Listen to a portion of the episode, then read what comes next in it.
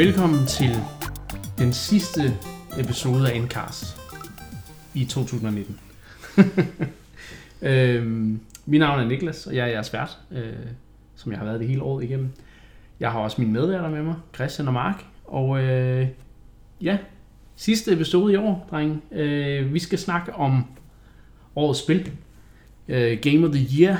Øh, Goti, om man vil. Øh, der er mange, kan bare har mange navne.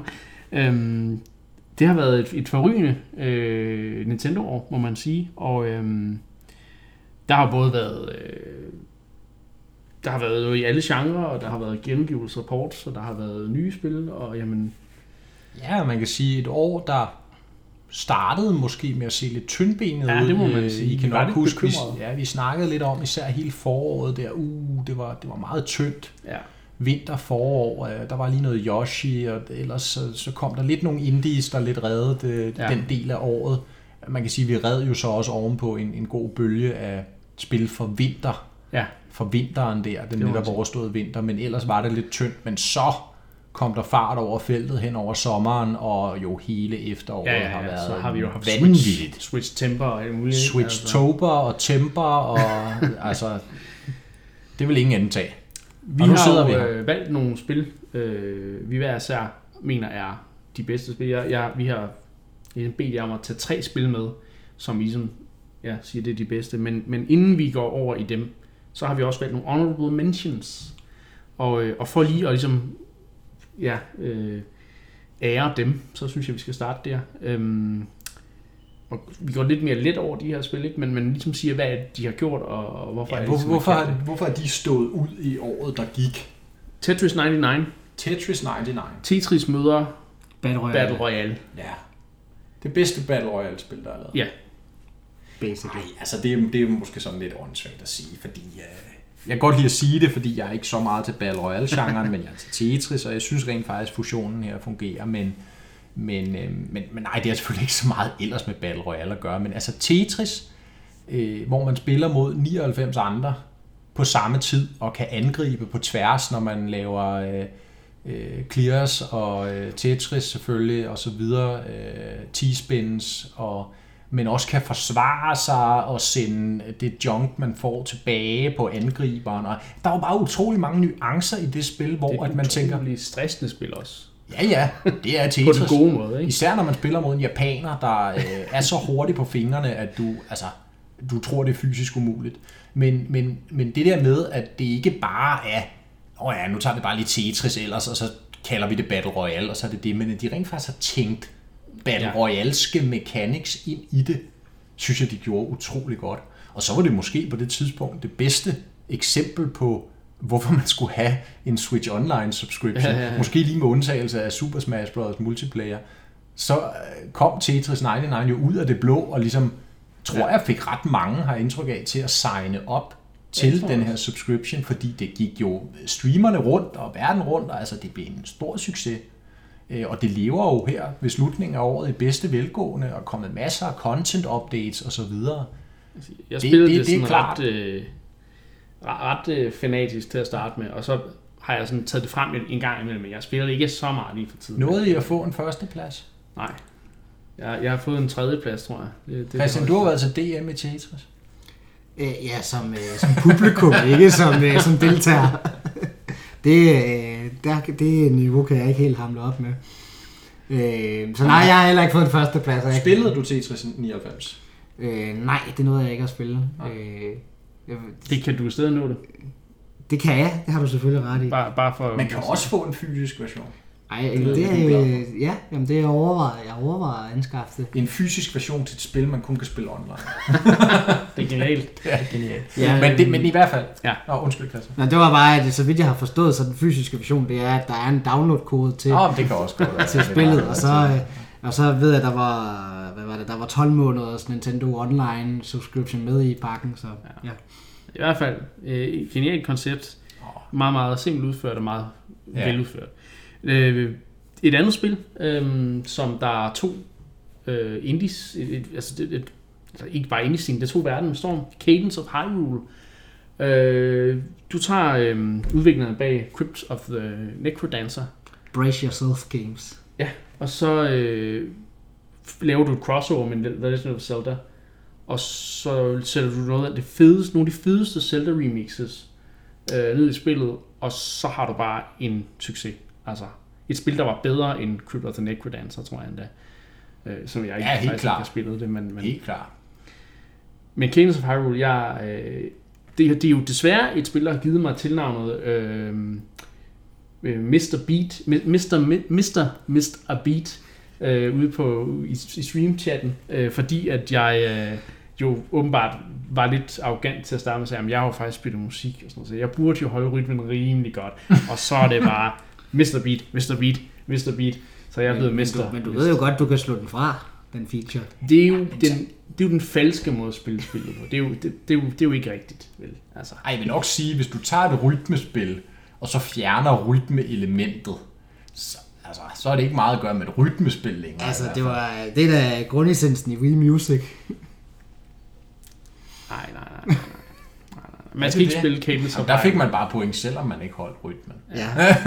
Men Ja, nej, nej, nej. Man skal spille Cadence of as intended i min... det er svært, og det er svært at komme i gang med, og så, men lige så snart det kørte, og man lærte melodierne, og, og ja, netop at holde rytmen, så var det utroligt tilfredsstillende at hoppe frem og tilbage til tonerne af et Gerudo Valley remix, og ramme fjenderne på det rigtige tidspunkt, og Ja. dodge og lige skyde en pil afsted, mens man hopper hen og trykker på en knap og åbner en dør, og, Og så der er jo rammer items og med, som vi kender det fra Fuldstændig. Zelda. Og, altså, full deal. super, super veludført spil, og igen, soundtracket er fantastisk. Og jo et interessant også for sådan et, et jeg ikke kalde det politisk perspektiv, strategisk perspektiv er måske mere rigtigt at bruge, fordi Nintendo lånte Zelda-franchisen ud. Ja. Hvilket jo ellers er noget, de ikke har haft tradition for at gøre i særligt stort omfang. Fordi det er gået grueligt galt tidligere. mest Men til, til, hvad hedder det, Til japanske udviklere, Ja. ikke? Så. Nej, jeg skulle til at sige, var det ikke Philips, der lavede nogle spil? Nej, det snakker vi ikke om. Det er aldrig sket. nej, de er jo ikke officielt anerkendte længere i kanon eller noget. Så Crypt of the Necrodancer er stort indie hit. Næste honorable mention er et ret stort spil faktisk. Et spil, jeg anmeldte og gav topkarakter, øh, men som ikke nåede min egen top 3 liste Eller alligevel. vores top 3 lister. Eller nogle af de andre. Nej. Super Mario Maker 2, som vi også har snakket om for nylig, øh, med den update, der er kommet. Øhm, jeg synes jo faktisk, at... Øh, hvad hedder det? Øh, Ja, så var- jeg, jeg bliver distraheret af en Jamen, liste, så kan der jeg tage over her. Ja, Det, det, det, blev, det, blev, det var ikke rigtig en spektakulær udgivelse. Altså, jeg synes, det er typisk det, man husker årene for, når man tænker tilbage, som vi sidder og gør her i dag. Øh, Så er det jo ligesom de der spil, der gjorde sig bemærket, fordi de gjorde noget andet, øh, eller noget anderledes, eller noget bare ekstremt godt. Super Mario Maker er et godt spil, men det er jo ikke så meget bedre end originalen. Altså, det, det er ikke fordi, man sidder med følelsen af, at det, at det bare øh, revolutionerede konceptet. Og, altså, den tog det selvfølgelig to the next level, og gjorde det rigtig godt, men det er ikke sådan, at vi har ligget søvnløse af begejstring over, øh, hvor meget det gjorde. Jeg har i hvert fald personligt ikke, og derfor fandt det ikke vej til, til, til min top 3 i hvert fald. Nej, jeg vil også sige, det er begrænset, hvor meget en, en level editor kan, kan tages to the next level, sådan, øh, hvad hedder det, feature, eller ikke feature wise, hvad, hvad skal man sige, øh, sådan oplevelsesmæssigt, det, det er basically, det er sådan, så har du nogle flere elementer, du kan, du kan bruge til at sætte på, din, på dine baner, men, men altså, det er bare mere content, det er ikke så meget ny, anderledes oplevelse osv.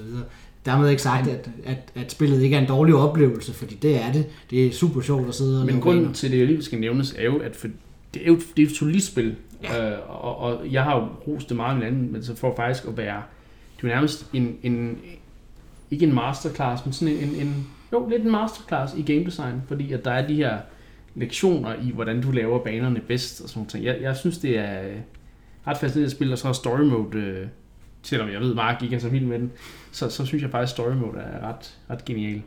Øh, så ja, jeg synes, øh, jeg, jeg, jeg, jeg står stadig ved min karakter på spillet. Jeg synes stadigvæk, det er altså de muligheder, der er i spillet, altså fantastiske, og de er jo så bare blevet endnu mere udvidet med den update, der kom. Ikke? Så vi skal videre til næste spil, øhm, og i Honorable Mentions kategorien. Og øh, det spil, jeg har valgt øh, specifikt, det er Katana Zero. Og øh, jeg ved ikke, om man kan huske tilbage i foråret, da jeg, øh, da, vi snakkede om nogle af de her indie, indie directs, der var jeg meget, meget op og ringe over det her spil. Og det er sådan set stadigvæk, jeg har ikke rigtig spillet det, siden jeg købte det, men øh, det, her- de her, det er ligesom Hotline Miami, med de her spil, hvor du, du har, du har et, du kan tage et slag, og så er det ellers om bare at, at nakke ting i så hurtigt og så præcist et uh, tempo, som du overhovedet kan. Jeg synes stadig, det er, det er mesterligt uh, spil, og grafikken er Ja, grafikken og lyden og universet er utrolig så, så fedt. det, Øh, og det kom jo, som du siger, Niklas, igen i det her famøse forår, hvor der ellers ikke foregik så meget andet, ikke for Nintendo selv i hvert fald. Øh, Der kom Katana Zero jo ligesom Cadence of Hyrule og, og slog ned som, som lyn for et Og, og det, som jeg synes, der er også interessant ved de her indie-spil, er jo, at de reddede basically foråret for Nintendo. Ikke? Altså, og, og jeg er interesseret i, hvor meget indie-spil har skulle have sagt på den her platform. Altså, fordi igen, som jeg har nævnt flere gange, også i løbet af det her år, spillene er jo, det er som om spillene, de faktisk sælger mere på Switch, øh, eller indie-spillene, sælger mere på Switch, end de gør nogle andre platforme. Øh, sådan, det er sådan en generelt tommefingerregel, Ikke? Øh, og det, det, synes jeg skulle være interessant. Nintendo har jo ikke kun udgivet, øh, øh Nintendo og indie-udviklerne har ikke kun udgivet til Switch jo. Nintendo har også lavet et, øh, et øh, eller flere mobilspil i løbet af året. Og øh, Mark, et af de helt store øh, spil, du har brugt meget tid på, det er jo Mario Kart Tour til Ja. øh, mobil. Det vil jeg gerne indrømme og gerne stå ved. Og det er jo, Selv. det er jeg, spiller det stadig, jeg spiller det stadig her nu på, på, det må blive hvad, tredje måned? Tredje something måned spiller jeg det faktisk stadig er, dagligt. det, er den der New York-tur Øh, kommet? New York, Øh, det var Lon-. London- Ja, London, er i London gang lige ja, nu. sorry. London er i gang lige nu. Ja. Øhm, jamen, jeg synes Mario Kart Tour er øh, spændende på mange måder, og, og, og noget, jeg vil huske tilbage på. Jeg, jeg vil nok sige måske, det er Nintendos, for mig i hvert fald, det, det mest vellykkede øh, mobilspil, de har lavet. Ej, det passer ikke, det er nok stadig Fire Emblem Heroes, men, men, men Mario Kart Tour rammer utrolig godt Ja. følelsen af at køre Mario Kart. Jeg var imponeret over, hvor meget det føltes som at spille Mario Kart 8, på trods af, at de har revet det helt over i en anden engine. Jeg var imponeret over, hvor meget de egentlig havde beriget singleplayer-oplevelsen ja. med ting at gå op i. Det er ikke bare et spørgsmål om at køre Grand Prix, at du kører Grand Prix, og så unlocker du characters og cards og gliders osv. Og, og ja, desværre er det hægtet op på den her irriterende microtransaction-model, som jeg vil ønske ikke var der. Jeg øvrigt ikke stadig brugt den eneste krone på spillet. Men det er lidt af princip. En, en sjov ting, at øh, der så er en person, der sidder ved siden af mig, Christian, der så første gang han, han skyder en pipe, så får han bare en, Ja, øh, hvad har det, en legend? sådan er det jo. Der er bare nogen, der er mere heldige her i livet end andre. Ikke? Så, er der, så er der også der må arbejde hårdt for fødderne. Jeg siger. Hvad hedder det? Nej, jeg synes, det gav noget til singleplayer-oplevelsen at have det her at gå op i. Og det gør jo, at jeg igen og igen har siddet dagligt og kørt de her løb. Mario Kart er altid sjovt at køre. Øh, men ligesom følte også, at jeg fik et metalag ud af det. Jeg kunne bruge de her mønter, jeg vant til noget. Og jeg kunne bruge de her rubiner, jeg vant til noget. Øh, og det har været fint. Jeg har stadig kunne følge med, selvom jeg ikke har betalt en krone. Det er så nok takket være min mangeårige Mario Kart-erfaring. Jeg kan godt mærke nu, også, det er som om, de lige har justeret det et, endnu mere et nyk over mod af, at dem, der betaler, de har lidt nemmere ved tingene, og det irriterer mig. Ja. Og det er også derfor nu, jeg kan godt mærke, jeg er nok tæt på at give slip nu. Okay. Øh, altså, øh, sådan noget med, at inde i shoppen, hvor man kan købe ting for mønter, der får jeg aldrig nogle af de ting, jeg mangler, sjovt nok. Ikke? Altså, det er altid de samme ting, jeg har, der kommer op i shoppen, på trods af, at jeg vil have mønter til at købe alle de andre ting. Sådan noget irriterer mig, og det lugter af, at man prøver at lokke spilleren til at købe for penge. Forståeligt nok, fordi, som jeg selv sagde i, i den podcast, hvor vi snakkede om det, spiller ikke gratis at lave, og selvfølgelig skal man betale for det. Jeg gør det jo lidt i protest, fordi jeg vil hellere have den forretningsmodel, der hedder give et fast beløb, lad mig betale 350 kroner, hvad det skal koste, og så har jeg hele pakken. Mm.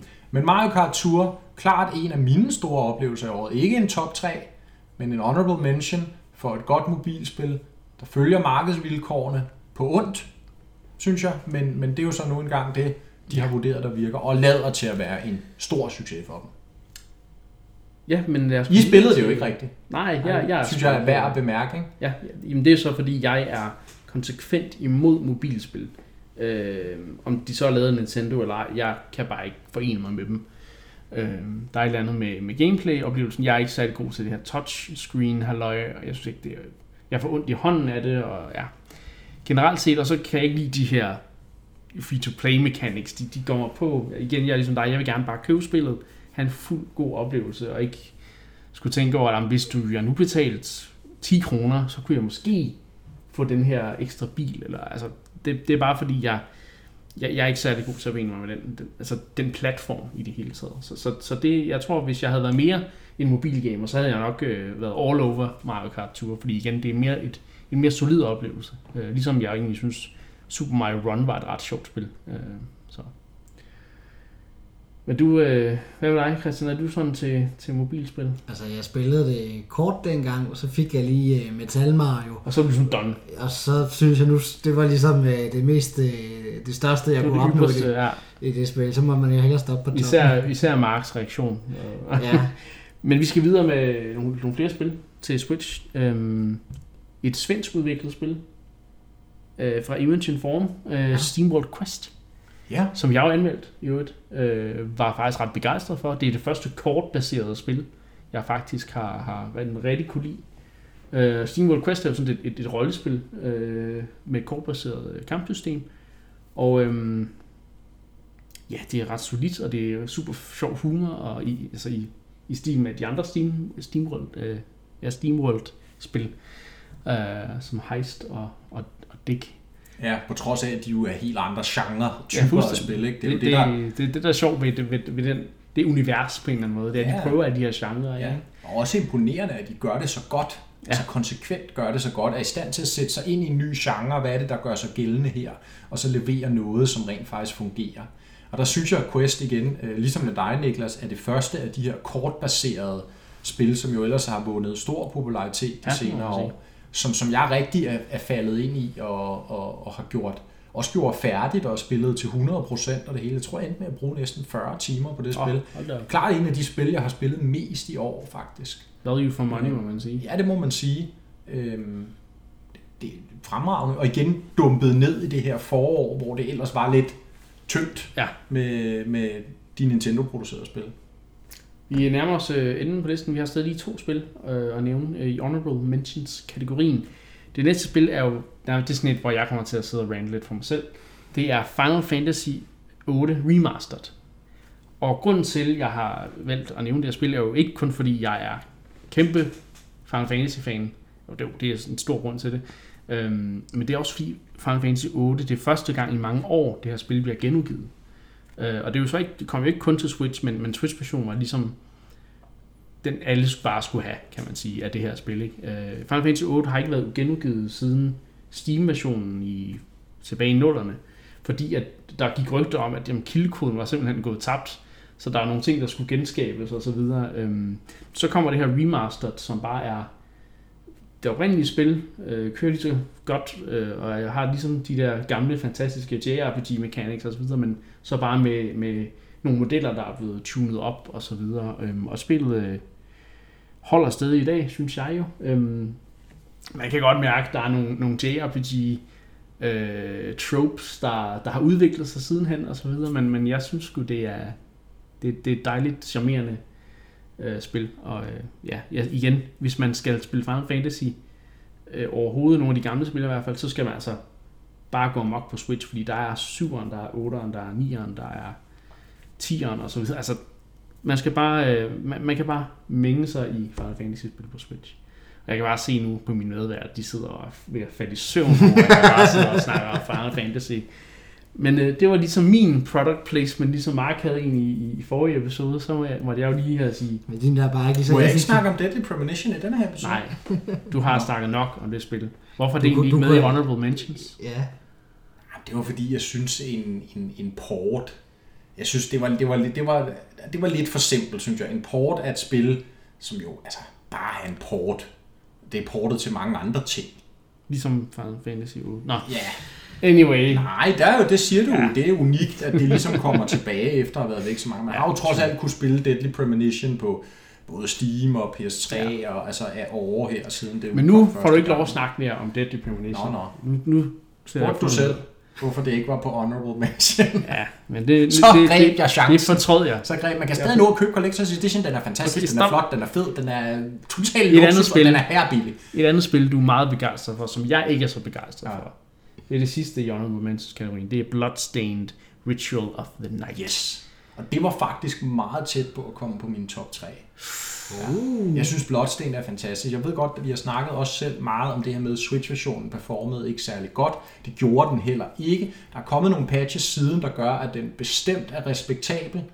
Måske stadig ikke on par med Nej. de andre platforme, øh, hvor jeg jo så spillede spillet på, øh, men, men, men stadigvæk til et niveau, hvor at man kan få den fulde oplevelse, uden at føle, at man er blevet snydt 10 gange. Jeg må jo også sige, at jeg tror, at performancemæssigt, der er det kommet til, til som siger, respektabelt punkt. Jeg tror, mit problem med spillet er stadigvæk, at jeg ikke kan forene mig med, med, med gameplayet i starten af spillet. Jeg synes, det er meget langsomt, og jeg synes ikke, det er så... Men det er det jo, i, og det var uh, Symphony of the Night, ja. Som det var baseret på også. Det er fordi, det er jo det her med, du kommer ind i Draculas slot, du har ingen evner til at starte med. I Symphony of the Night fik du frataget dem. Det er jo sådan nok det samme, der sker i en af vores yndlings Metroid-spillene. Ikke? Oho. Det der med, at man, man får lige et glimt af, hvad er det, man kan. Så. Ja. kommer der nogen og stjæler det hele fra dig. Ja. Og så er du ligesom bare en basic øh, person til at starte med, men så får du løbende de her opgraderinger, der gør, at du bliver hurtigere og stærkere og, og så videre. Og, og det gør man også i Bloodstained. Altså til sidst så, og jeg underdriver ikke, du flyver gennem rummene, og altså i et tempo, der er hæsblæsende. Okay. Øh, og du dræber alt i et slag, og altså det, det går helt amok. Ikke? Men, men Jeg, Bloodstained jeg må tage mig sammen og komme Ja, videre i spillet. Altså, Blood, Bloodstained er øh, en af de bedste Metroidvanias faktisk, du kan spille i dag, hvis du Ja. spørger mig. Det når ikke Hollow Knight, øh, men, men, men, men, og det er der jo ikke noget andet, der gør, men, men Nej. det er i den, klart det, den bedre del af feltet af Metroidvanias, og en, en oplevelse, som jeg spillede til 100%, alle achievements, det hele, og bestemt vil huske 2019 for. Også fordi historien omkring det var bare lidt altså interessant. En af de her kæmpe Kickstarter-succeser, der i mange år så ud til at halte noget efter, og åh nej, og bliver det et nyt, øh, øh, det der Mega Man Kickstarter, bliver det en total fiasko, er det bare et skodspil? Og så kom det faktisk lidt og tog røven på de fleste. Igen, ja. hvis vi lige et øjeblik ser bort fra Switch-versionen, da den launchede, øh, men tog røven på de fleste og leverede varen og, Ja. var et, et, et, og er et rigtig habilt Metroidvania-spil. Jamen, det er jo en god øh, salgstale, vil jeg sige. Ja. Må, må jeg have lov at skyde et spil mere ind på Honorable Mention? Så længe det ikke er Deadly Premonition, så er jeg okay. Åh, oh, pis. Nej, jeg synes faktisk, og jeg var selv lidt, jeg, jeg ærgerede mig lidt over, at jeg ikke havde skrevet den på bagefter, men lige hurtigt så, jeg synes Yoshi's Crafted World fortjener en mention også. Øh, vi har jo snakket om ja, forårsspillet, øh, der, skulle, der skulle dække nærmest hele Nintendos første fem måneder. Der var også lige New Super Mario Bros. Deluxe der i januar, men, men det, men det var bare en port. Det, det er bare, en port, ikke? Ja. Øh, men, men Yoshi's Crafted World synes jeg rent faktisk gjorde en, en brav indsats Ja. som et, et, et rigtig, en rigtig habil 2,5D-platformer, der mm. virkelig tog det her 2,5D to the next level, fordi ja. du ligesom kunne gå frem og tilbage i billedet. Du blev ikke kun fra venstre til højre. Der var også de her paths, der ligesom leder dig øh, ud mod dig selv og, og ind i billedet, kan du sige. Ikke? Ja, og hvordan den tredje dimension. Ja, hvordan den, den brug, jo jo, men det er jo stadig låst på de Ja, ja, her præcis. endimensionelle akser, ikke? eller todimensionelle er det jo så. Men gjorde det rigtig godt, og tog exploration-platformeren øh, som koncept og genre, og eksekverede på den mm-hmm. med det her twist Ja. på en ny og interessant måde. Så flot ud, kørt godt, 60 fps for et Unreal Engine-spil. Altså, det, det ost af charme. Øh, havde en god sværhedsgradskurve, gik fra rimelig simpel og tilgængelig i starten til enormt svært til sidst. Øhm, Ja. det, det, det skal man ikke underkende, hvis man, hvis, hvis man er som jeg, glad for platformer derude, så var Crafted World faktisk ret fremragende. Fint. Det bliver så sidste indskydelse i Honorable Mentions kategorien. Nu låser vi ligesom den og siger tak for de spil. Øh, men nu skal vi snakke om de spil, der er virkelig imponeret, og som jo er kommet i vores top 3. Øh, vores alle tres personlige top 3. Ja. man vil. Og øh, vi tager dem i vilkårlig rækkefølge øh, til at starte med. Og så øh, til sidst så rangerer vi dem. Men inden vi starter, skal jeg selvfølgelig lige minde folk om derude, at vi jo lytter til Endcast, dit Nintendo-podcast, hvor vi snakker om øh, alt fra morgendagens spil til de gode gamle klassikere. Og, og igen vil jeg også minde om, det her er altså årets sidste episode, og hvor vi gennemgår øh, de bedste spil, der er blevet udgivet i øh, 2019 på Nintendo-platformen, øh, som jo sådan set bare er Nintendo Switch efterhånden. Vi, vi går i gang med vores øh, GOTY, GOTY-nomineringer, vores øh, Game of the Year, årets spil-nomineringer. Og øh, igen, vilkårlig rækkefølge. Øh, nu tager jeg et spil øh, til at starte med, som jeg ved, Christian har meget at skulle snakke om, øh, eller meget at vil sige om, og det er altså Ring Fit Adventure, som du jo har anmeldt. Ja. Hvad, altså ja, nu, nu er det jo et spil, som vi alle sammen, øh, altså man ved jo ikke, hvem der har taget med på listen, Nej. hvad man kan sige, men jeg ved, at du, har- du har anmeldt spillet, Det har og jeg jeg. ved, du er ret begejstret for det. Det er jeg. Hvad, hvad vil du gerne sige om, om Ring Fit Adventure? Jamen, der er ikke så meget andet at sige, at øh, for en del år siden, der kom der det her gamification op, øh, hvor der har været rigtig mange øh, sådan halv, øh, halvdårlige forsøg på at, at tage ting og gøre det mere spændende ved at, at øh, putte nogle spillelementer på. Men i hvert fald i min optik, der, øh, der gør Ring Fit Adventures bare det helt rigtige. Det er, at, at det forener øh, hvad hedder det, det at dyrke fitness med, med, med computerspil. Øh, hvad hedder det, den her øh, RPG-lignende oplevelse, hvor du, Ja. skal, du skal lave øvelser for, for at komme igennem, øh, eller ja, ja, ja, hvad hedder det, lave fitnessøvelser for at komme igennem de her, øh, hvad hedder det, øh, fit battles, som det hedder i spillet. Har du spillet det siden End Tonight? Øh, nej, men, øh, men jeg kan love dig for, at øh, det er et spil, jeg kommer til at spille, især her i januar måneden, efter øh, alle hvad hedder det, julefrokosterne, og øh, hvad hedder det, i min familie er vi rigtig glade for, for julemad, så der skal jo selvfølgelig, der bliver Uha. selvfølgelig lavet rigtig meget, så, så når jeg skal til at, at tabe alle de, alle de kilo, jeg har taget på, så bliver det helt sikkert med, øh, med Ring Fit Det, det Adventures. bliver den, den klassiske januar-kur. Ja, Okay. øh, hvad hedder det? Fordi for sådan en som mig, der, øh, øh, som jeg også lidt var inde på i min anmeldelse, at, at jo, øh, hvis man rigtig gerne vil tabe sig, så bør man måske gå i fitnesscenter. Men problemet er for mig, at sådan, den oplevelse, det er at gå i fitnesscenter, den er ikke helt så tiltrækkende.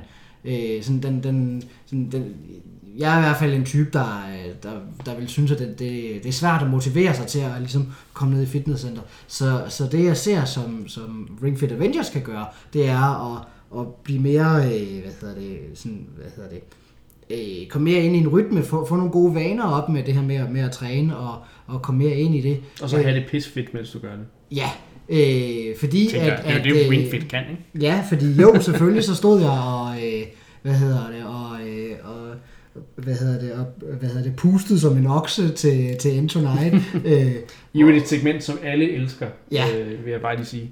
øh, men, men jeg kan jo ikke løbe fra, at det var jo fedt at stå tilbage og klare, øh, hvad hedder, hvad hedder han, Dra- Dragneck.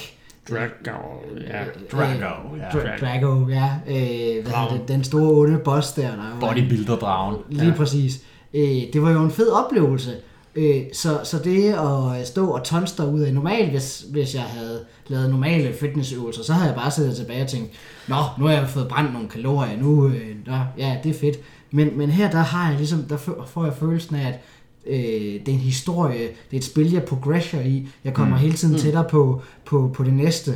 Øh, så, så der synes jeg, det giver ligesom noget mere end bare at, at, at træne. Så, så træningen bliver ligesom øh, sat i kontekst. Det er ikke bare øh, meningsløst, nu gør jeg det for, for at tabe mig. Sådan, jeg gør det faktisk for at progresse i et spil. Ja. Ja. Og, og, øh, og grunden til, at jeg i hvert fald synes, at det fortjener en, en øh, Game of the Year, det er fordi, at det er, en, det er gamification done right. At, mm. at, som jeg var inde på, det er at tage, øh, se på, på fitness på, på en måde, som siger, hvad, hvor, hvor giver det her mening i, i, i, en, i en spilkontekst.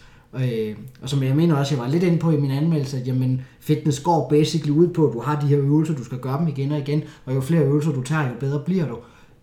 Hvad er der af spil, der, der, der minder om det? Jamen, der er RPG-genren nærmest bare skabt til det, fordi mm. du tager rigtig mange kampe, og du bliver hele tiden bedre og bedre og bedre, og så får du flere og flere skills og så videre. Så for mig er det, det giver super Det er god the mening. grind, Ja, jamen det giver super god mening. gamificeret. Ja. Men så øh, oven i det, så har de jo også valgt at føre noget klassisk Nintendo-magi henover, som i at, som jeg også lidt er inde på i min anmeldelse, at der er de her baner, du kan gå rundt i. Det er ikke bare linjer, der er forskellige paths, du kan gøre, så, så, så hvis du øh, timer din løb rigtigt og hopper på det rigtige tidspunkt, så kan du hoppe over på, på et hemmeligt platform og, og få nogle collectibles og så videre.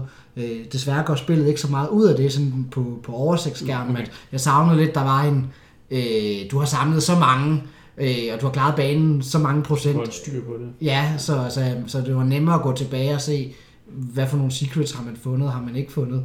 Øh, det er det eneste, jeg sådan set savner i, okay. I spillet, men, men ellers så synes jeg, det er overordnet en, en Det er jo fantastisk sådan oplevelse. nitpicky ting. i det. Og, øh, Ja, lige præcis. Men, men Christian, jeg vil så råde dig til, at når du starter her i januar igen, måske skulle du prøve at starte forfra i spillet, og tage den intensiteten i stedet lidt for bare at starte var, Med en halv time lang boss fight. Øh, jamen, øh, jeg kan også slå dig for, at næste gang jeg starter, så øh, den popper altid op og så siger, det her sværhedsgradsniveau, du har, var det tilpas? Øh, var, var det for let, eller, eller skal vi gøre det sværere? Der kommer jeg til at sige, du må godt skrue det lidt ned. Ja, ja, ja.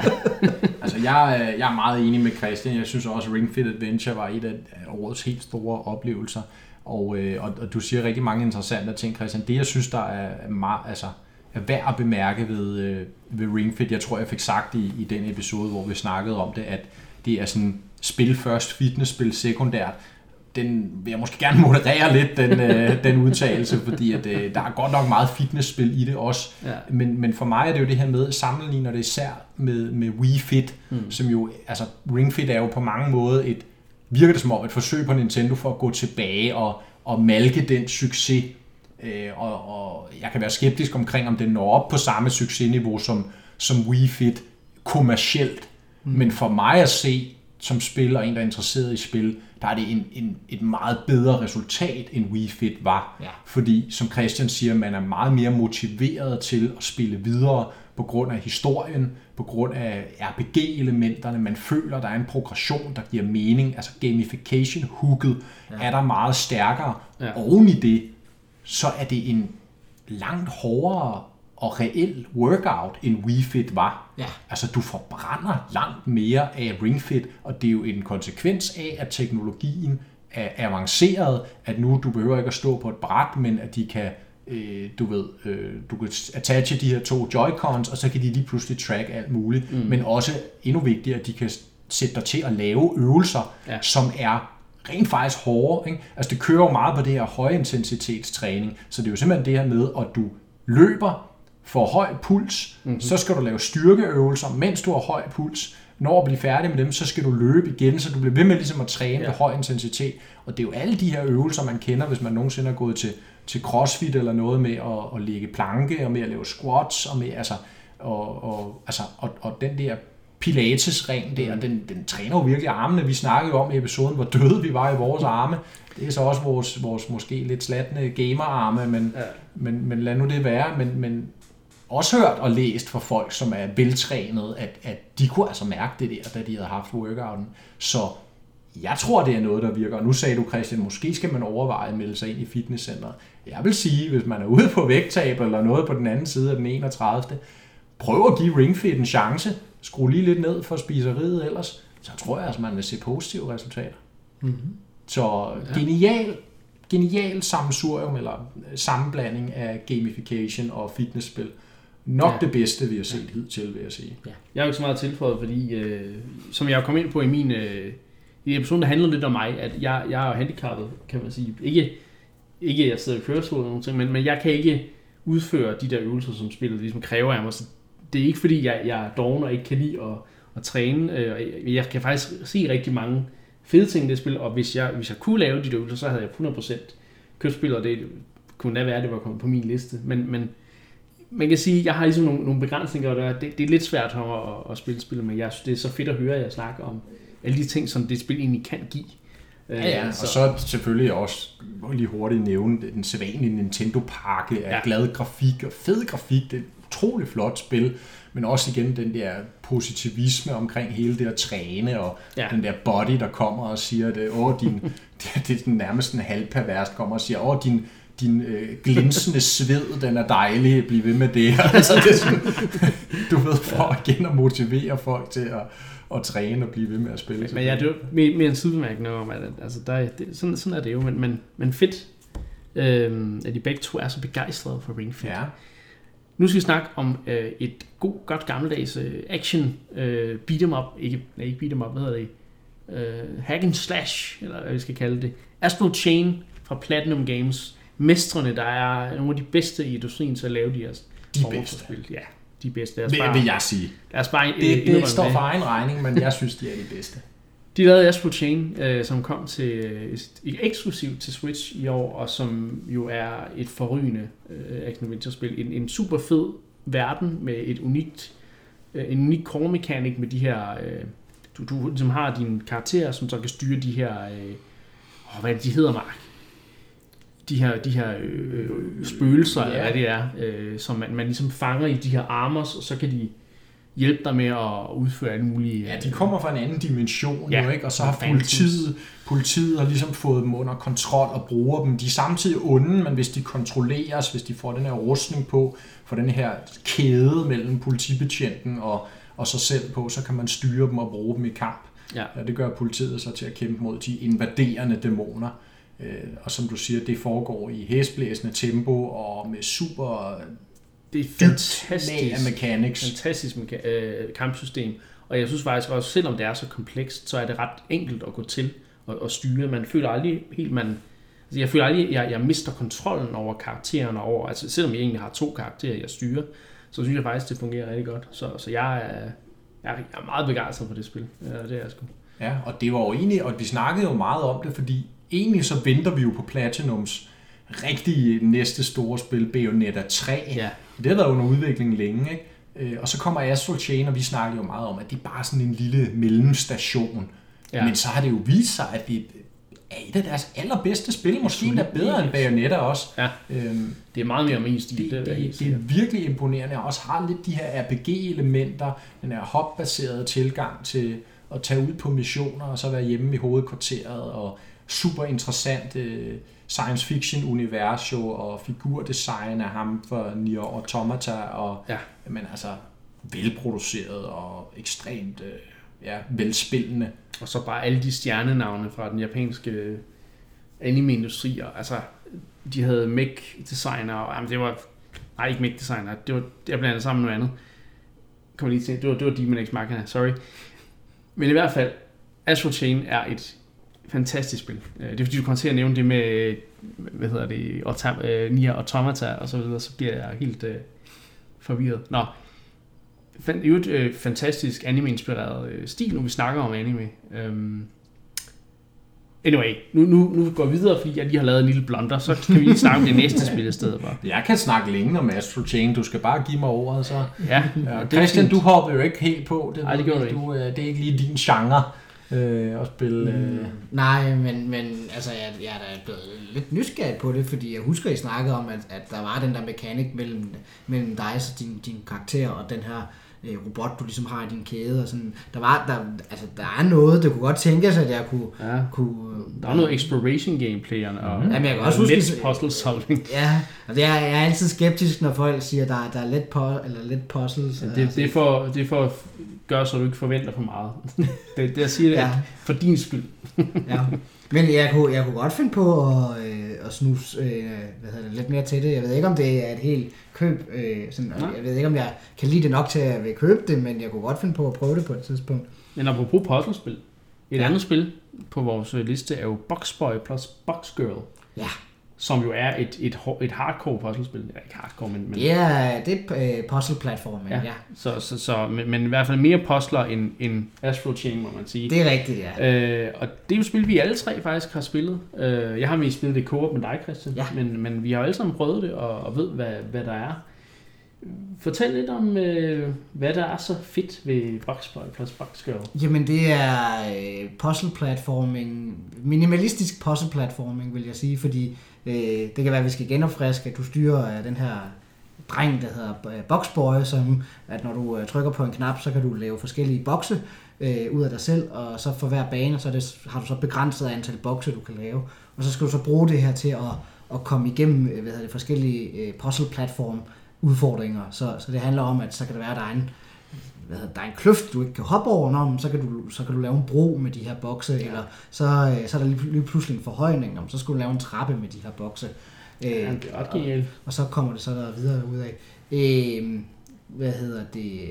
Grunden til, at jeg øh, synes, at det er oppe i en, en nominering, det er, at sådan, spillet minder jo rigtig meget om, om det er jo det, hvad var det, tredje eller fjerde spil, jeg kigger over på Mark. Øh, det, er jo, det er jo en ret lang serie. Hvor fire, mener jeg det er. Ja, øh, det er en ret lang serie, hvor, hvor mange af spillene har været på, øh, hvad hedder det, øh, på Nintendo 3DS. Øh, og sådan, hvad skal man sige, core gameplay loopet, der bliver der ikke pillet så meget ved, hvilket jo nok er det gode. Men, men der, hvor jeg synes, at det, at det for, øh, for, fortjener at komme op i, i øh, hvad hedder det, Game of the Year, det, er, det må være mængden af content, fordi, hvad hedder det, jeg spillede igennem, øh, øh, der er tre kampagner, der er en, en en hvad hedder det, et player, hvor du spiller med normal boxboy, så er der en to player, hvor du både kan spille selv øh, og spille sammen med en ven. Det var det, vi spillede sammen. Mm.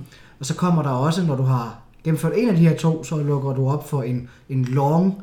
Øh, Tallboy. Tallboy, det er rigtigt, det det, han hedder, ja. Øh, som jeg er i gang med nu. Og jeg er meget ked af at indrømme det, men jeg sidder fast. Ej, Fordi der er nogle af de der, jeg er nået til en puzzle, hvor jeg ikke kan gennemskue, hvordan jeg skal klare den, og jeg nægter. Der var noget med, du sad fast i Link's Awakening, og ikke noget med en kraver.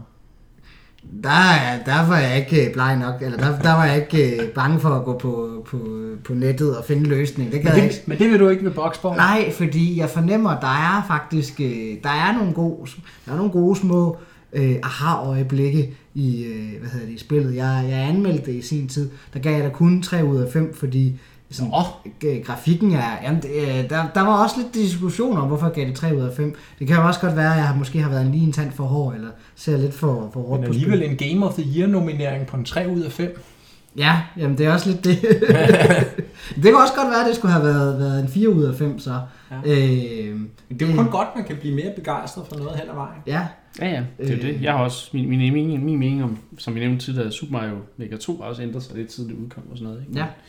Øh, Så, men, men ja, det er, det er fordi, at det er nogle, der er nogle ret gode øh, aha-øjeblikke. Jeg, Øh, synes- jeg synes, det er et super hyggeligt spil, øh, og altså, når man sidder der og, og, og laver co-op omkring øh, de her puzzles i, i, i multiplayer, så er det bare sådan, når man sidder der, og, og man siger, du skal gøre sådan, jeg skal gøre sådan, og så gør man det perfekt, og så er det, det føles bare fantastisk. Ja. Altså, det er så nice.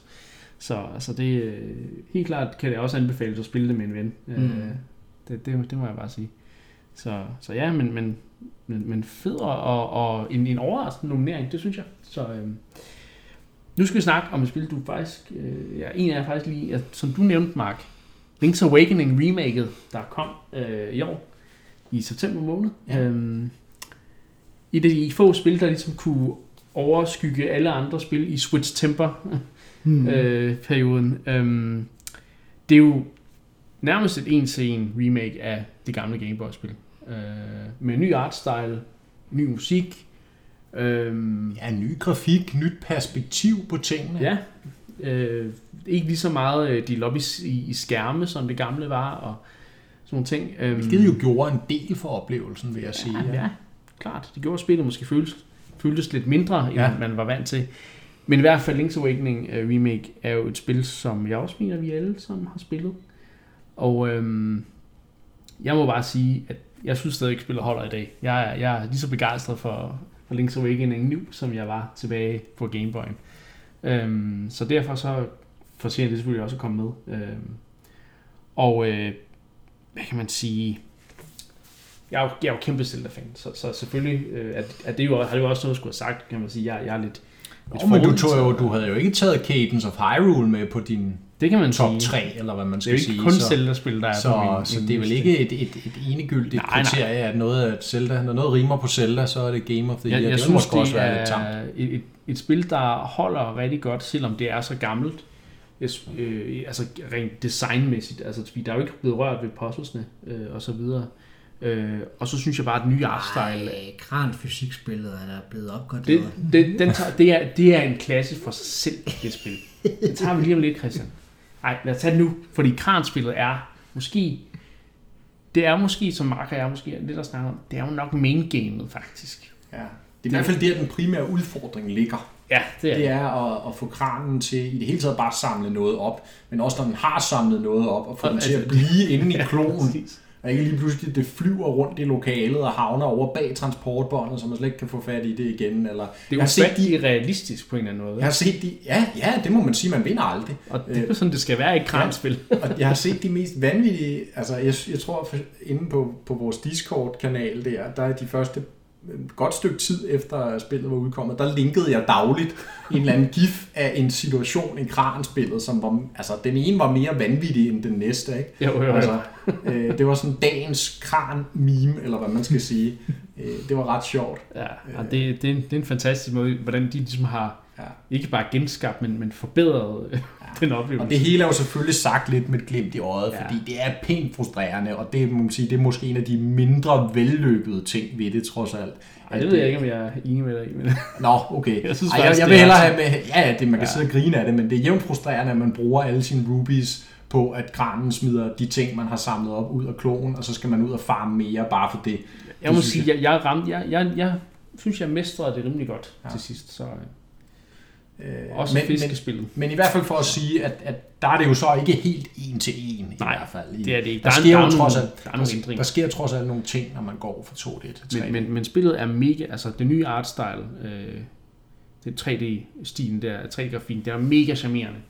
Ja. Øh, den her di- diorama-agtige øh, ting. Vi har jo snakket også meget om, at jamen, på grafik, grafikken var der jo nogle, nogle ting med framerate dips. er der nogle og tekniske udfordringer, som stadigvæk ikke er løst. Præcis. Og det er sådan noget, der, altså, det er sådan noget, der, der, der skurer lidt for mig. Nu, Ja. ja. nu, nu kan jeg godt lige tage forskud på glæderne og sige, at den er ikke kommet på min top 3. Nej, øhm, det kan vi godt sige. Men, men, og det er den ikke, fordi hvis jeg lige må, lige må sige noget om det, fordi jeg synes, det er fantastisk, men stadigvæk, der er de her tekniske problemer. Synes også lidt, den misser pointen. Vi snakkede også om det under, under den pågældende episode, med sådan stemningen i universet, stemningen i historien, mm. melankolien i den her ø, findes den, findes den ikke? Hvad er det for nogle tanker, indbyggerne gør om det her med at være til og ikke være til? Og der er nogle scener i det gamle Game Boy-versionen, som er enormt gode til at fange den her Mm. melankoli i de her tanker. Og der synes jeg, det nye remaket er sådan lidt for go happy i den forstand, Ja. og ligesom de, kom, de kommer til at miste nogle af nuancerne i den her melankoli. Der er Det enig med musikken især og- musikken, Ja, hvor, hvor Øhm. med instrumenterne ikke er lige så... ja. De har ikke den samme pow-effekt, eller hvad man skal sige. øh, Men i mindste så er Face Shrine stadigvæk øh, et fantastisk soundtrack i det nye, øh, nye Ja, ja. udgave. Og, Og, og det, det vinder på, som, som du sagde, Niklas, Link's Awakening er bare utrolig veldesignet. Ja. Øh, jeg ved godt, der har været noget kritik af sådan noget. Ja, men du skal løse nogle ting meget sådan i, i det serielt. ja, Det er ikke lige så åbent som nogle af de gamle Zelda-spil. Det er sådan ligesom, hvis ikke du kan gennemskue, at du skal ja, hente den her ting i kranspillet, eller give den her dukke til en eller anden person, så sidder du bare fast. Mm. Og det er også rigtigt nok. Men mit modargument til det er bare, at spillet er så lille trods alt. Det er så, så, så hvis du gør din udforskning grundigt, Ja. hvis du render rundt og taler med alle, og, og øh, hakker hver en busk ned og så videre, som, som er det, der bliver lagt op til, jamen så er progressionen rimelig simpel Ja. og, og til at have med at gøre. Øh, Og den er sjov at udforske, og i og med, at, at verdenen er blevet mere åben, det er ikke de her billeder, du skal bevæge dig Mm. igennem som i Game Boy-versionen, så går det hurtigere. Det går noget hurtigere at løbe frem og tilbage. Og ja. lige præcis i den forstand, at det er måske en gevinst, mm. at man er gået væk fra de låste billeder. Ikke? og så alle de Og dungeonsene er Ja, fede, de er ja, stadig især den, den senere halvdel. Ikke? Ja, ja, ja. Øh, stadigvæk en af mine absolut yndlings Zelda dungeons er den her Eagles Tower med den her chain ball, du skal Mm. øh, jernkugle, du skal smide rundt og kaste ind i nogle søjler, så etagen lige pludselig buller sammen og sådan noget. Ja. Den, der- altså, og det regelsæt Link's Awakening opfinder, som, som stadigvæk gør sig gældende den dag i dag i Zelda-regi, fortjener det stor ros for, og det, klart. og det synes jeg stadig holder. Og altså, nogen vil jo så sige, jamen det er jo bare et gammelt spil, der er blevet genudgivet og så videre. Hvorfor skal det egentlig være med på nogle lister i 2019? Jo jo, men, men der er jo også en masse forbedringer, der er blevet til spillet. Altså Quality of Life, altså sort play i, i Link's Awakening remaket er jo virkelig, virkelig velfungerende, og det føles super godt og, og så videre. Ikke? Så jeg synes bare, jamen de har taget en klassiker, som allerede var fantastisk, og så har de touchet den op nogle steder, som gør den endnu bedre. Og ja, der er nogle, nogle ting, der ikke er helt fantastiske, for eksempel framerate dips, og at der er nogle ting, ting med stemningen, der ligesom har ændret sig, og ikke er helt det samme, som det var i Game Boy-udgaven. Men jeg synes stadigvæk, det er et fantastisk øh, 2D, som så er blevet 2,5D nærmest, øh, Zelda-spil, som, som stadig i den dag, som stadig holder den dag i dag. Og ja, ja. Så derfor så er det i hvert fald med på min liste, om ikke andet. Øhm, et spil, som jeg også har været ret begejstret for, som, som lidt har gået op og ned med min begejstring, det er Fire Emblem Three Houses. Øh, og, og det er et spil, som jeg på mange måder øh, til at starte med var ultra hyped på, fordi jeg var jo jeg var blevet stor Fire Emblem fan med Awakening og øh, hvad hedder de nu? Øh, ja, Fates øh. Men øh, så, så er det som om, at øh, min hype den ligesom forsvandt lidt igen, og så lidt senere her, så, så er jeg sådan blevet sådan lidt, ja, det er sgu, et- det er sgu et spil, der fortjener at øh, komme med på min, min egen liste. Øh, hvor det så lige bliver placeret, det må vi jo se.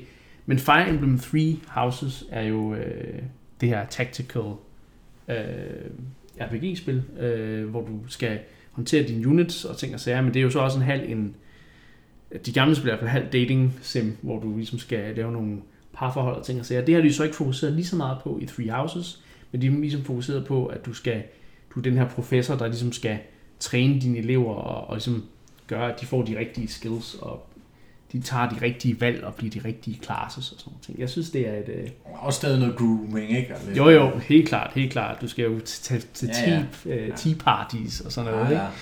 Øhm, Helt slip giver de ikke og, du, det. og du kan jo vælge en person øh, at gå efter, og du kan få S-ranking med, og, og, og få noget romantik i dit liv. Øh, ja. så, øh, og så er der jo den, det her helt fantastiske punkt i spillet, hvor altså, du har, du har jo de der three houses, som alle øh, har forskellige elever, øh, og hvor der også er nogle historiemæssige ting, der lidt ændrer sig fra, fra playthrough til playthrough. Og så kommer der det her midterpunkt, hvor der kommer det her timeskip, hvor, hvor historien ændrer sig markant. Øh, hvor nogle karakterer ændrer sig, og, og der sker nogle mm. intriger, og mm.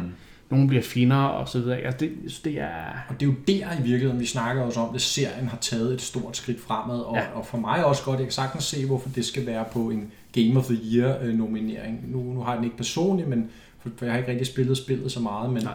men, øh, men det her med, det er jo et af de her Nintendo-spil, som har også været lidt modige i sit game design, mm. kan man sige, og udviklet sig egentlig en del fra sine sidste Ja. øh, udgivelser og øh, sine seneste udgivelser, og, øh, og vi snakker også om det her med, at især det virker som om, det har haft et godt øje til, klogt, et godt øje til øh, Persona-spillene, Ja. Og til at sætte det ind i den her skolesetting, som jo også er populær i Japan, Mhm.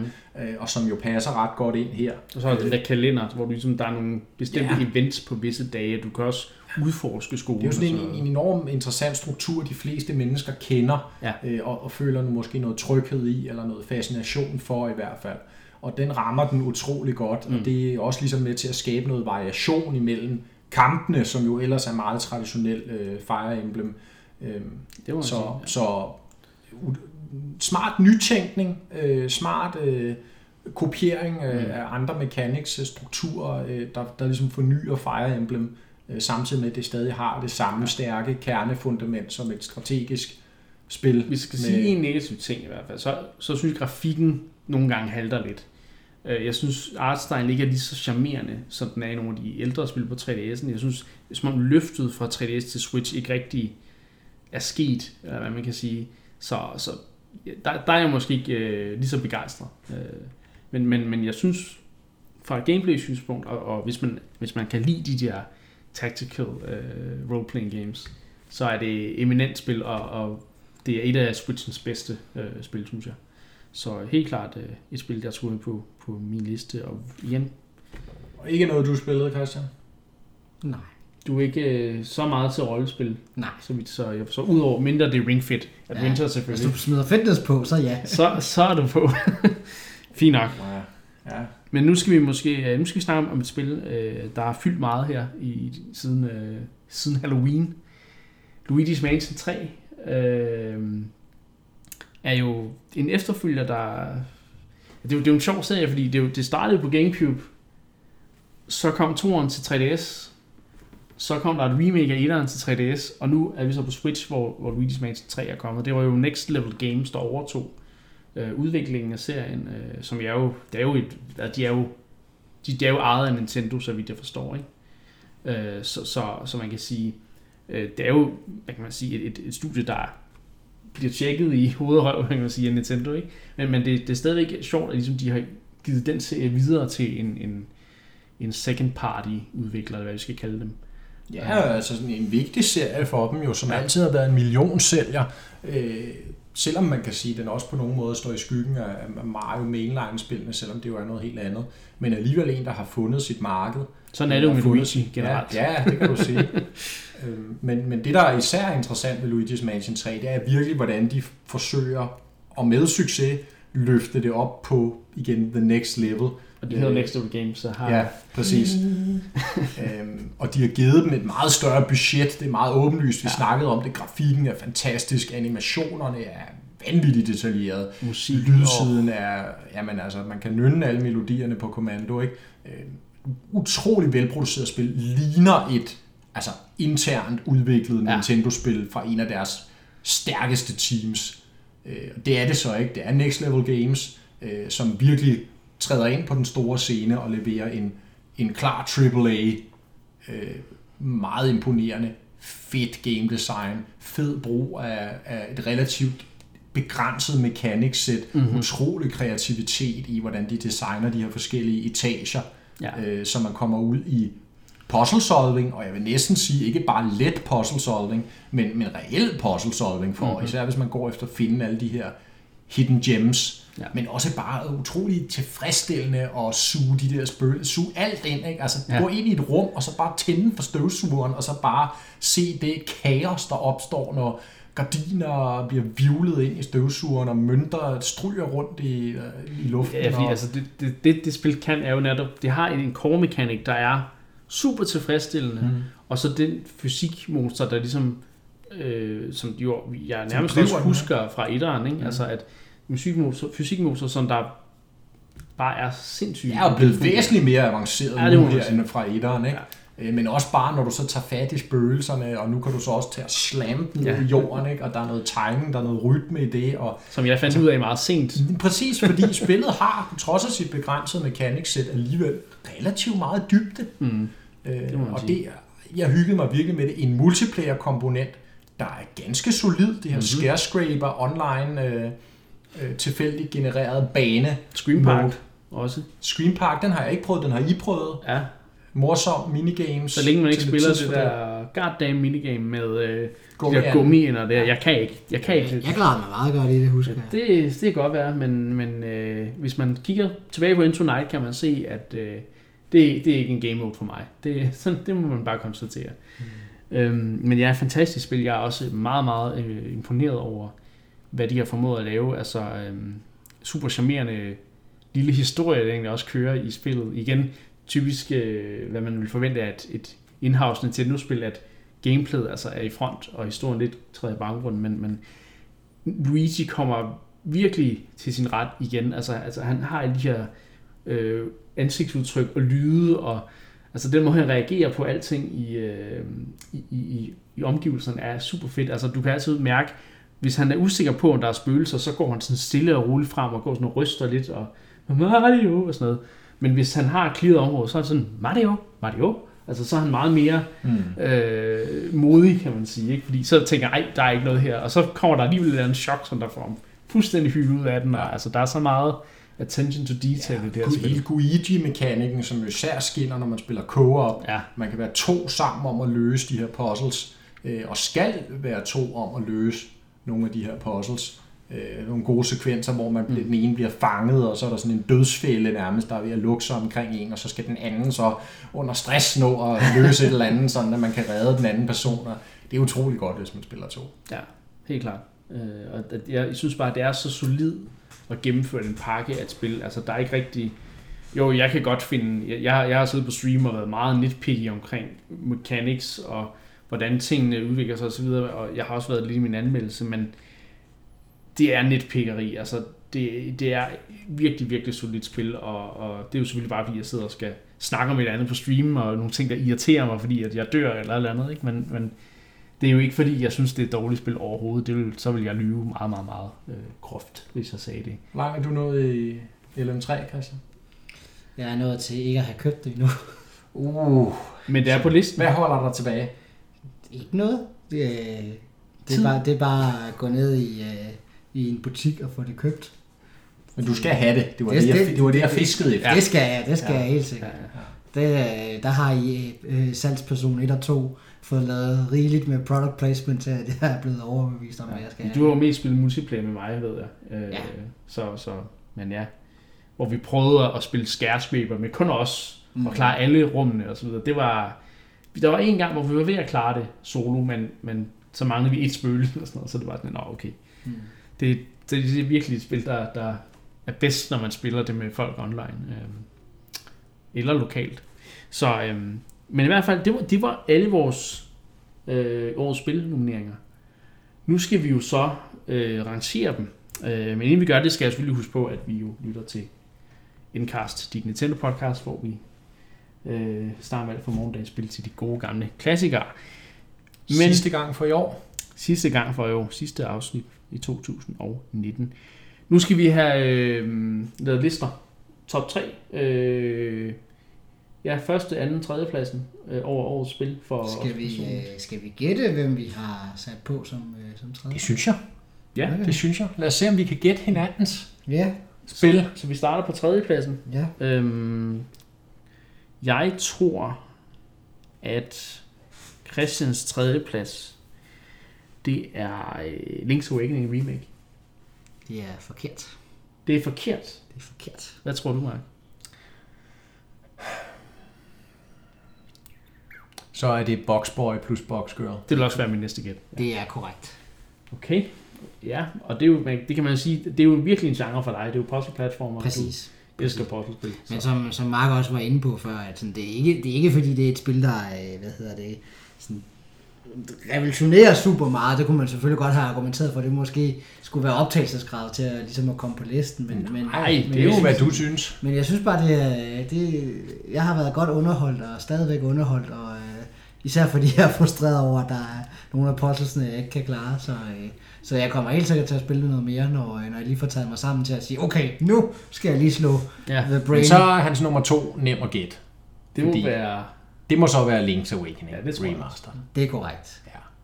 Fordi din nummer et er selvfølgelig Ring Fit Adventure. Yeah. Ring Fit Adventure. Det er korrekt. Det, og det synes jeg er interessant, og det synes jeg er herligt, fordi ja. Ja, et fitnessspil anno 2019. Jamen, jeg er jo kendt som nå... uh, Master of Motion Control. Oh, men alligevel. Alligevel. Ja. Men det er også fordi, det er et substantielt spil, som vi snakkede om, ikke? At det virkelig har det ekstra Undskyld, det, at byde det er på. ikke bare øh, hvad hedder det, et, et spil smidt med noget fitness øh, waggle halløj ovenpå. Det, øh, jeg synes faktisk, der er blevet decideret tænkt over tingene, og, er blevet taget, og der er blevet taget nogle gode designbeslutninger, og man kan mærke det. Øh, så det er derfor, at det får øh, hvad hedder det, årets spil. Og ikke fordi du endnu har spillet det i flere hundrede timer, men, men måske har intentioner om det på den anden side yes. af nytåret. Yes, det har jeg helt sikkert. Og det er jo altid godt med intentionerne. Ja. Om ikke andet, så slider det ikke på fitnessabonnementet at have det liggende. Det er korrekt. Lad os øh, gå ud til Mark. Ja. Og prøve at gætte, hvad han, øh, hvad han, hvordan hans liste ser ud. Fordi nu kan vi lige opsummere. Din liste hedder altså på førstepladsen Ring Fit Adventure, andenpladsen Link's Awakening Remake, på tredjepladsen Boxboy plus Box Go. Ja. Super. Jeg tror, ja. Astral Chain er Marks tredjeplads. Det øh, synes jeg er et, øh, et ret godt gæt. Men jeg tror måske, det er Ring Fit Adventure, faktisk. Ja. Christian har ret. Okay. Ja. Christian har ret. Astral Chain, jamen, jeg fik sagt det før, super hæsblæsende actionspil.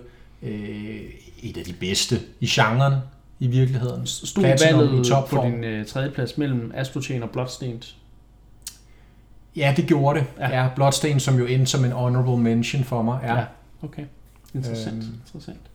Så... Men ja, vi har igen, ja, Chain, jeg, jeg er vild med spillet, men det var ikke... Nej, det skal jeg selvfølgelig ikke sige nu, men øh, ja. Nå, det vender vi tilbage til, så, så kan I prøve at gætte min nummer to ind til der. Jamen, det må jo så være uh, Ring Fit Adventure. Det tror jeg også. Ja, det, det tænker jeg, det er min... Uh... Det tror jeg, jeg, jeg tror ikke, han er lige så begejstret for det, som du er. Det kan I selvfølgelig ikke se derhjemme, men, men Mark, han, øh, han holder ligesom tilbage, så nu når jeg faktisk at blive, blive usikker. Det er faktisk lidt skidt. Han har et godt pokerface. Ja, det har han. Ej, det tror ej. Du tror, du tror ikke, det er... Nej, det må være Ring Fit Adventure. Det må det være. Okay, det, det, det, det er jeg enig med dig. Jeg tror, det er Ring Fit Adventure på anden plads. Jeg tror ikke, han er lige så begejstret for det, som du er. Det, det er min teori. Ja, også fordi, at der, der er et andet spil, som han nærmest ikke har holdt kæft omkring, siden at det udkom. Deadly Premonition? Præcis. men det er jo ikke på listen. Men, Nå, men, nej. men jeg, jeg, holder, jeg holder på Ring ja, Det er forkert. What? Wow. What? Wow. Den havde jeg ikke set komme. Nej, det havde jeg heller ikke. Nå. Det, det er forkert. Det er dagens øh, overraskelse. Men, men det, skal, det kan da ikke være Fire Emblem. Vel? Nej. Nej. Og det kan i hvert fald heller ikke være Boxboy plus Boxgirl. Nej. Er det Link's Awakening? Nej. Ej, jamen så er det jo... Ej, det kan da ikke passe. Luigi's Mansion 3 på andenpladsen. Luigi's Mansion 3 får en rigtig flot andenplads. What? Super velproduceret, jeg sagde det før, super velproduceret, altid er lige skabet, oser og charme. Det er fantastisk. Men Betyder det så, at Ring Fit Adventure er... grunden til, at det ikke bliver min nummer et, som er den samme nummer et, som Christian har, Ring Fit Adventure. Ring Fit Adventure, er fordi, jeg, jeg troede jo, I kendte mig nok til at vide, nej, øh, at jeg værdsætter jo det her originalitet i game design enormt højt. Det der med, at jeg spiller en ny oplevelse, som jeg vidderligt aldrig føler, jeg har spillet før. Og det er der ikke noget spil i 2019, der gjorde på samme måde som Ring Fit Adventure. Okay. Der følte jeg virkelig, at jeg stod med en helt ny type form for underholdning mellem hænderne, bogstaveligt talt med den der pilatesring, der jeg stod og prustede ja. på gulvtæppet. Ikke? Øhm, det, det synes jeg er fantastisk, og jeg var så imponeret over alt fra teknikken, at det bare fungerer, og den misser ikke, den misopfanger ikke de ting, du gør. Det fungerer bare. Game designet går hånd i handske med fitnessøvelserne. Der er virkelig tænkt over tingene, som Christian også sagde, og den her integration mellem de to ting er spot on. Parken er rundet godt af med lækker grafik, lækker lyd, øh, den her dejlige optimistiske tale til folk om det at træne, leve sundt osv. Utroligt. Nintendo, når de er bedst, og de eksperimenterer, og, øh, og det synes jeg, de fortjener. Øh, og Så det man- fortjener Ring Fit Der Adventure er godt at nok, få. der, der er blevet øh, sprængt en fitnessbombe under endcast Ja. år, det må man sige. Ja. Øhm, nå, men Det så... var, øh, det var faktisk min dagens overraskelse, vil jeg sige. Ja, Jeg, sådan, øh, hvad, hedder jeg, det, jeg oplever, at Mark har ikke kunne snakke om andet end Deadly Premonition og Luigi's Mansion 3, siden de spil udkom. Ja. Så jeg havde faktisk troet, at Luigi's Mansion 3 var, var hans nummer et. Så det vil Så sige, at Marks liste er Ring Fit Adventure på førstepladsen, Luigi Mansion 3 på andenpladsen, og på tredjepladsen Astral Chain. Yes. Så nu skal I gætte øh, Verdens den, den Top mest, 3. Den, den mest predictable top 3 måske? Nej, det tror jeg ikke. Det, tror Det jeg faktisk er ikke engang, det er. en Fire Emblem på tredjepladsen. Hvad siger du, Christian? Øh, det ville også være mit bud, ja. Det er helt korrekt. Faktisk. Nå, du tøvede lige. Jamen, jeg har, jeg har faktisk tænkt, jeg har, jeg har rearranged den her top 3 Uha, rigtig ja. mange gange. Men, øh, men, men Fire Emblem, det var faktisk lige før Fire Emblem, altså det var faktisk lige før Super Mario Maker 2 kom ind i stedet for. Ja. Øh, men jeg har alligevel en, mere en, en et, et, altså jeg, jeg hænger med til de her tactical RPG, RPG-spil, end at lave baner selv. Altså, så, så, så det, jeg synes, det er et solidt Fire Emblem-spil, og det gør så meget nyt. Altså, det viser bare, at den genre er på ingen måde død, og der er masser af nye ting, nye, nye tiltag, man kan gøre med Fire Emblem. Så, så ja, ja den, det er på en tredje plads. Ja. Nå, Andenpladsen, det må jo så stå mellem, hvad siger du, Christian? Det er, Altså, noget, altså, det er noget Zelda eller Luigi, ikke? Ja, det er et spørgsmål om den ene eller den anden. Ja, det er det, der er det gode spørgsmål. Fordi, og det er jo så her, at det bliver, øh, hvad hedder det, det bliver meget, det er meget godt afbalanceret, fordi på den ene side, så har vi Link's Awakening, øh, jeg, kan, ikke- jeg husker, du et har... af mine absolut yndlings Zelda-spil overhovedet. Ja, altså, i hvert fald Ja. Game Boy Men du var udgaven. meget hurtigt til at sige, at den nærmest var selvudnævnt på listen. Ja, så det kunne jeg måske godt forestille mig, det var to, eller øh, hvad, ikke to, det var et andet, så... Men alligevel, det er et remake og ikke et helt nyt spil. Så Ja. jeg tror, Re- Zelda Link's Awakening er på din anden plads. Så gætter jeg på Luigi's Mansion 3 som på din anden plads. Mark Så har er ret. vi helt garderet. Ej! Mark har ret. Jeg er øh, rigtig glad for, for øh, Link's Awakening øh, remaket. Men igen, det, igen, som Mark siger, det er jo ikke et helt nyt spil. Øh, der er alligevel no- nogle ting, altså det, det, jeg ville egentlig synes, det var lidt en forlitterklæring, hvis jeg tog et, et remake, som Årets bedste mindre det var Ocarina of Time eller sådan noget. men, men, øh, men nej, det er sgu på andenpladsen, fordi at jeg synes, det er et fedt spil. Øh, Jeg elsker det, og jeg synes, det var lige så godt, øh, hvis ikke bedre, at spille igennem på Switchen, end det var på Game Boy. Og jeg øh, glemte alt om FPS drops efter 5 minutter, hvor jeg bare sad og var, var dybt Mm, begejstret. Tryllebundet. Ja. Stærkt. Øhm, Så Luigi's Mansion, førstepladsen, kan jeg godt forstå. Sige vent, det kunne da godt være, at det var Boxboy. Nej, det er selvfølgelig Luigi's Mansion 3, der er... Øh, det, var, det var faktisk... Det overraskede faktisk mig selv, at jeg endte med at, at give det øh, en førsteplads, fordi jeg har anmeldt spillet, og jeg har jo været rejst lidt hård ved spillet i min anmeldelse. Jeg har jo øh, sat det på en 4 ud af 5, og, og ligesom holdt ved, det er der, det ligger. Hvor jeg faktisk har været i tvivl om, jeg skulle have givet det en 5'er øh, i sidste ende, fordi det er som om, jo mere jeg har spillet det, også på stream og sådan noget, så spillet faktisk vokset mere og mere på mig. Øhm, så, så, øh, men, men det er simpelthen det bedste spil på øh, Nintendo-platform, jeg har spillet i år overhovedet. Øh, og det, det igen, ja, som jeg sagde, da vi snakkede om det, det er så veludført en pakke, både på singleplayer-punktet, på multiplayer. Altså, der er ikke rigtig noget... Du mangler ikke rigtig noget i det spil. Altså, det... Du vil også ind med nærmest at gennemføre det to gange så? Ja, jeg nåede ikke helt igennem det i en anmeldelse. Der er mange, lige jeg tror, nærmest halvanden etage og sådan noget, ikke? Men, men så i, øh, på stream for, for ikke så lang tid, der fik jeg så gennemført det, og øh, må sige, at øh, det, sidste, det sidste floor er bare fantastisk. Det er måske det bedste floor i spillet, synes jeg. Øh, så King Boo, øh, en fed boss, men holy crap, mand, det er en sværhedsgrad, der bare lige pludselig... Ja, den Spring får her. lige til. Så øh, jeg kunne godt tænke mig, mig bosser på samme niveau øh, tidligere i spillet, tror jeg. Men, øh, men, men ja, det er helt klart mit øh, Game of the Year. Øh, Stærkt. Så øh, kunne vi jo rigtig godt måske sige, vi kunne godt rigtig, rigtig godt tænke os at høre jeres bud på ja, Game of the Year, så, Så, kom øh, endelig ind i kommentarfeltet eller på forummet og, og skriv, er I enige med vores liste? Uenige? Hvorhenne i så fald?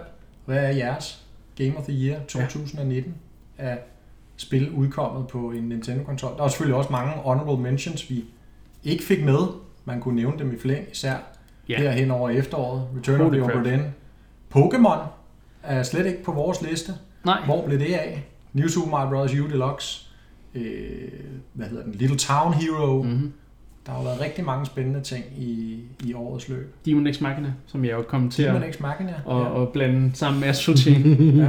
Det er simpelthen ikke så svært, fordi de minder meget om hinanden grafisk og sådan noget. Men, øh, Ja. men i hvert fald inden vi, vi slutter af, øh, som jo, det er jo vores sidste episode i år, så vil jeg gerne øh, lige bruge det på lige at takke vores lyttere. Og lige forklare jer derude, hvor mange øh, af jer, der egentlig lytter med, og hvor glade vi er for det. Det er jo sådan, at vi jo øh, i gennemsnit har tæt på 500 lyttere per episode. Øh, som vi jo er imponeret over gang på gang nærmest på en eller anden måde, at, at det er så højt. At, at, at I kan holde ud og tune ind en gang om ugen og høre på Ja. os. Og det synes vi er så fedt. Tosser, Nintendo-tosser. Og det er netop derfor, vi bliver ved med at lave øh, episoden så hyppigt, og, og, og sætter tiden af til ligesom at, at, at gøre det her, og, og bruge tiden på det. Ja, Og det, det er jo sådan, vi har cirka haft, hvis man tæller både øh, episoden på Enclub, øh, vores Spotify og iTunes-tal med, så har vi jo sådan cirka 14.000 lyttere. Øh, det har vi haft hele året øh, rundt, så, så Det er sgu imponerende, der er så mange Nintendo-fans derude. Det igen, det varmer virkelig om hjertet, og, øh, ja, det er super fedt. og det gør det her til en stor fornøjelse. Men nu er det sådan, at øh, vi er ved at nå ved vejs ende ved det, denne episode af Endcast, dit Nintendo podcast, hvor vi vender alt fra morgendagens spil til de gode gamle klassikere. Og vi er jo så tilbage igen næste år i 2020, men nu er der sådan en lille juleferieperiode. Øh, periode men må ikke vi kommer tilbage, sådan, når den næste Direct forhåbentlig er blevet annonceret. Ja, det gik vi og jokede med jo. Den plejer at ligge i januar, men der var ikke nogen i januar i, i år, vel? Eller heller ikke forrige år. Heller ikke forrige år. Oh, oh. Så kan det være, at vi skal vente længe. Men der er sådan en legendarisk idé om, at der altid er en Direct i januar. Og så venter man altid til februar og marts, og så endelig kommer den. Nu må Så- vi se. Lad os håbe, den kommer sidste januar, ellers må ikke vi tilbage der omkring. Jo, og det kan jo være, at der er andre ting at, at tage fat på inden da. Who knows? Men i hvert fald, så er det ikke... Det er godt nok sidste afsnit i 2019, men det er ikke enden på Indcast. Så Nej, nej, overhovedet. vi vender tilbage, vender frygteligt tilbage, og øh, det kan I jo godt glæde jer til. Så øh, have en rigtig god jul og et rigtig godt nytår, og så ses vi derude. Tak fordi I lyttede med, og vi lyttes ved i 2020.